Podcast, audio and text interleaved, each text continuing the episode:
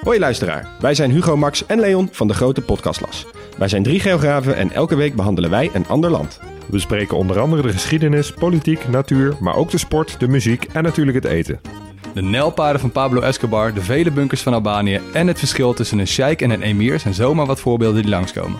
Maar we bespreken ook de geopolitieke invloed van China in Afrika en de impact van het Europese kolonialisme. Luister dus wekelijks naar de audioversie van de Atlas, de Grote Podcastlas.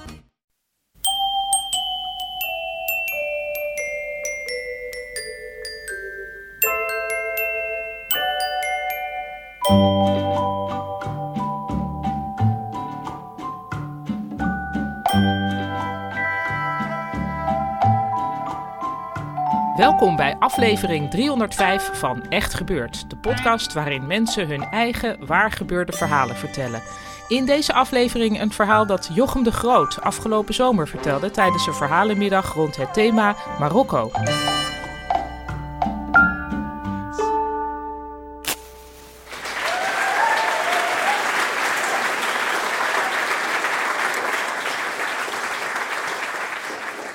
Het is 31 augustus 1993.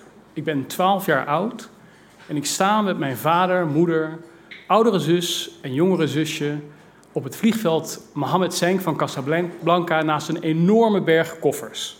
We hebben net onze eerste vliegreis achter de rug. Enkele reis Amsterdam-Schiphol naar Casablanca. Want de komende vijf jaar zullen wij in Marokko wonen. Je kan je voorstellen dat voor een Brabantse prepuber, ik was 12 jaar, dit nogal een grote stap is in je leven. Uh, een, een, zeer uh, impactvolle gebeurtenis. En het begon eigenlijk al meteen al, terwijl we daar op dat vliegveld stonden.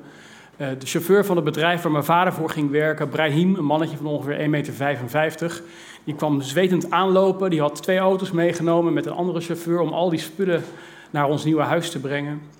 Uh, en de eerste 500 meter van, het, uh, uh, van de snelweg van het vliegveld van Casablanca naar de stad zelf, die zagen eruit, zoiets had ik nog nooit gezien. Alleen maar mooie grote Marokkaanse vlaggen en wimpels en prachtige palmbomen. en grote portretten van de koning en andere leden van het koningshuis. Um, maar na 500 meter hield dat wel op. en toen kwam de echte Marokkaanse snelweg. En daar zagen we geiten in de berm lo lopen, grazen. Uh, mensen die langs de snelweg iets verkochten, die dwars overstaken, overal gaten in de weg, ezelkarren die dwars door het verkeer heen liepen. En we waren in het echte Marokko uh, gearriveerd. Uh, we kwamen aan in, in Casablanca, toen al echt een grote metropool, een miljoenenstad met 2 tot 3 miljoen mensen.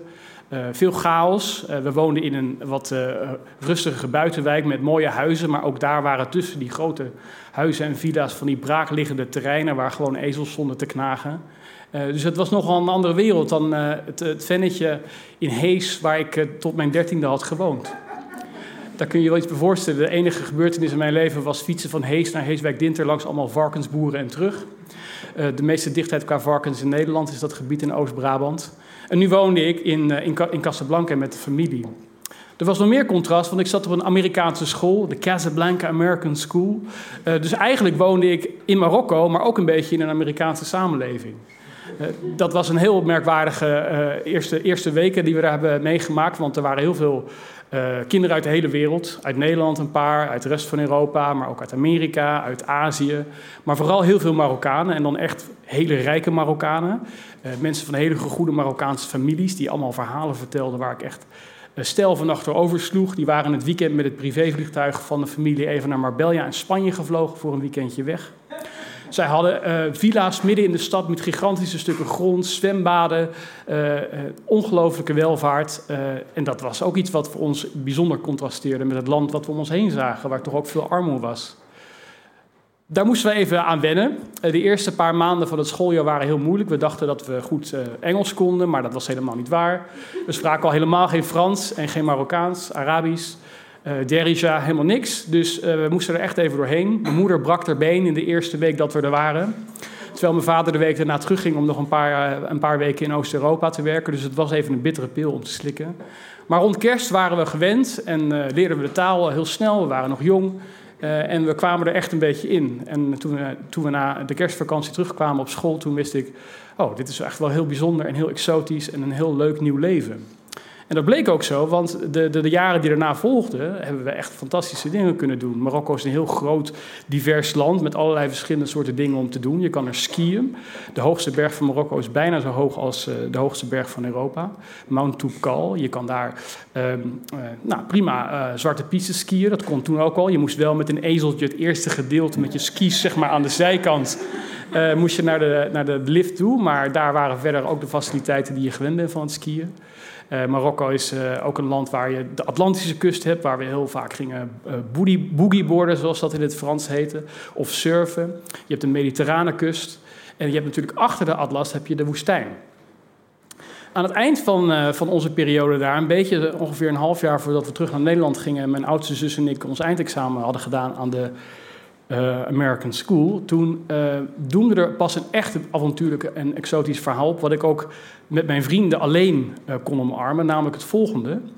Onze moeders werden benaderd door een Italiaanse regisseur of een productiebureau van een Italiaanse filmmaker, dat er figuranten nodig waren in een film die werd opgenomen in de filmstad nabij Ouarzazate. En Ouarzazate is een stad net uh, voorbij de Atlas eigenlijk, aan de voet van de woestijn. En daar werden wij uh, uh, gevraagd om te figureren, want dat was een film die heette Il Tempo dell'Amore, A Time to Love, zei de regisseur. ik weet niet of er toen zeg maar, wenkbrauwen zijn gefronst en of er misschien werd gedacht aan een, een soft erotische film of iets anders dubieus, maar we mochten in ieder geval gaan. Uh, maar dat gold alleen voor mijn vrienden die er Europees uitzagen. En dat waren Jan, Jan uit Nederland, en Giles, uh, een jongen van Frits, uh, Franse en Britse achtergrond. Jawad, mijn andere goede vriend, een Marokkaanse jongen, die mocht niet mee. Uh, Yusuf ook niet. Nou, we werden echt geselecteerd om ons uiterlijk om daar naartoe te gaan. En onze moeders zeiden, oké, okay, eindexamenjaar, prima. Je mag er een paar dagen naartoe, maar daarna weer volle bak studeren, want de examens komen eraan. Dus wij, heel erg blij, 16, 17 jaar, mochten alleen uh, vliegen van Casablanca naar Ouarzazate. Uh, met een, uh, een klein toestel van Royal Air Maroc vlogen wij daar naartoe. En we hadden, we dachten, we gaan er natuurlijk een mooi, mooi paar dagen van maken. We hadden bij de slijter op de Corniche, de boulevard langs, de, langs zee, hadden we een, een paar flessen kanonskogelbier gekocht. Dat was met het meeste alcoholpercentage, 8,6 procent, wat we konden vinden. En ook tequila, maar dan best wel een goedkope variant. Weet je, met zo'n plastic sombrero hoedje erop. Die hadden we in de, in de bagage gesmokkeld. En uh, dat was uh, het fundament voor wat wij dachten dat een paar uitbundige feestdagen zouden gaan worden.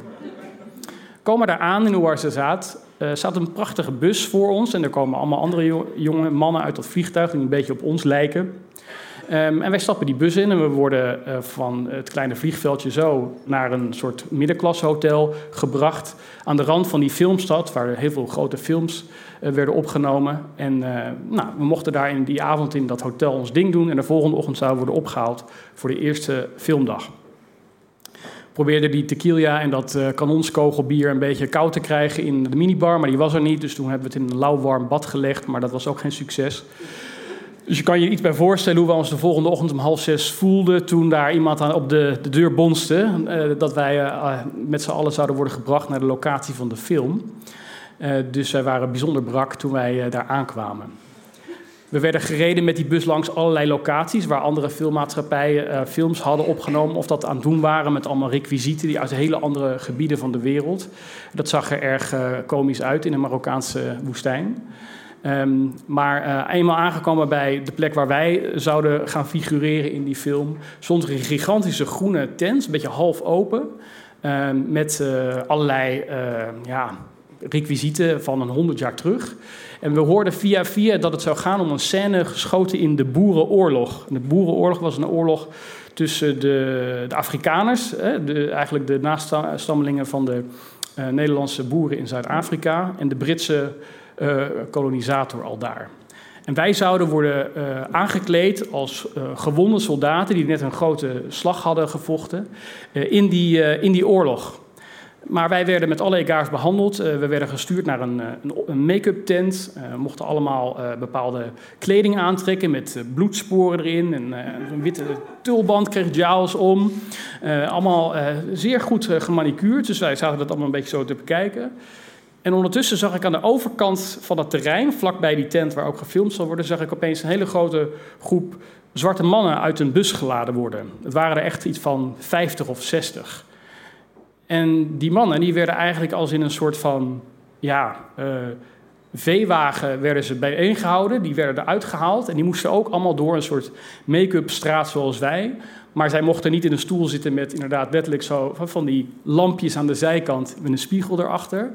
Maar die moesten even snel hier en daar. En ze moesten vooral eigenlijk alles uittrekken. En het enige wat ze overhielden was een lendendoekje of een kort broekje. En daar protesteerden ze tegen, maar er werd uh, niet naar geluisterd. En vervolgens werden wij uit onze eigen make-up tent gehaald en gedrapeerd langs een soort rails waar de camera overheen zou lopen.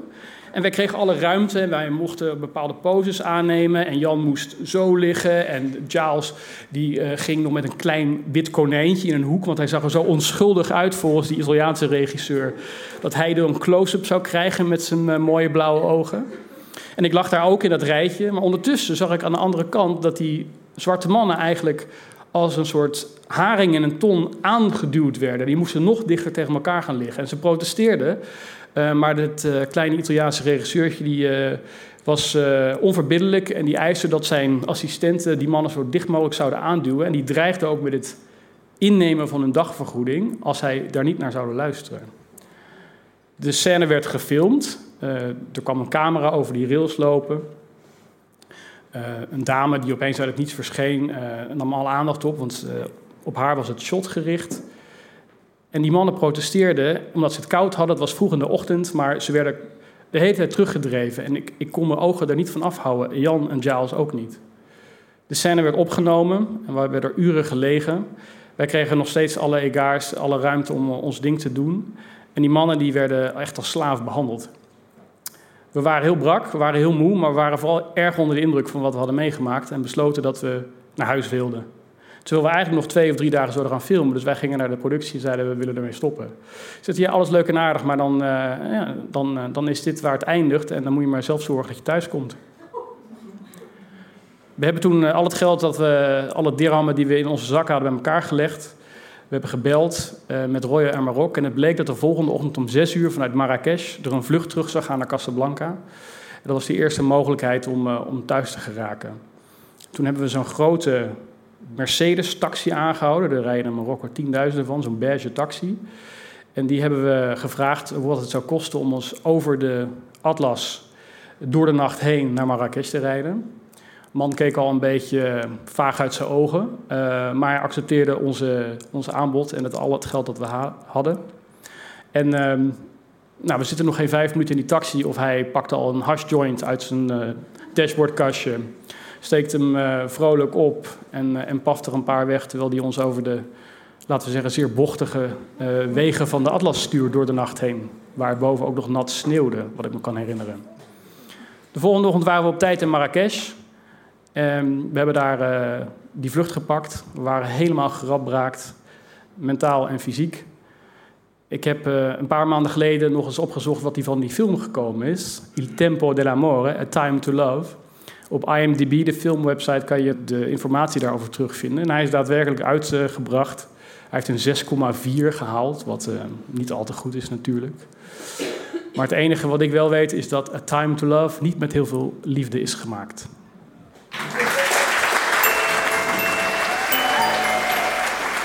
Je hoorde een verhaal van Jochem de Groot.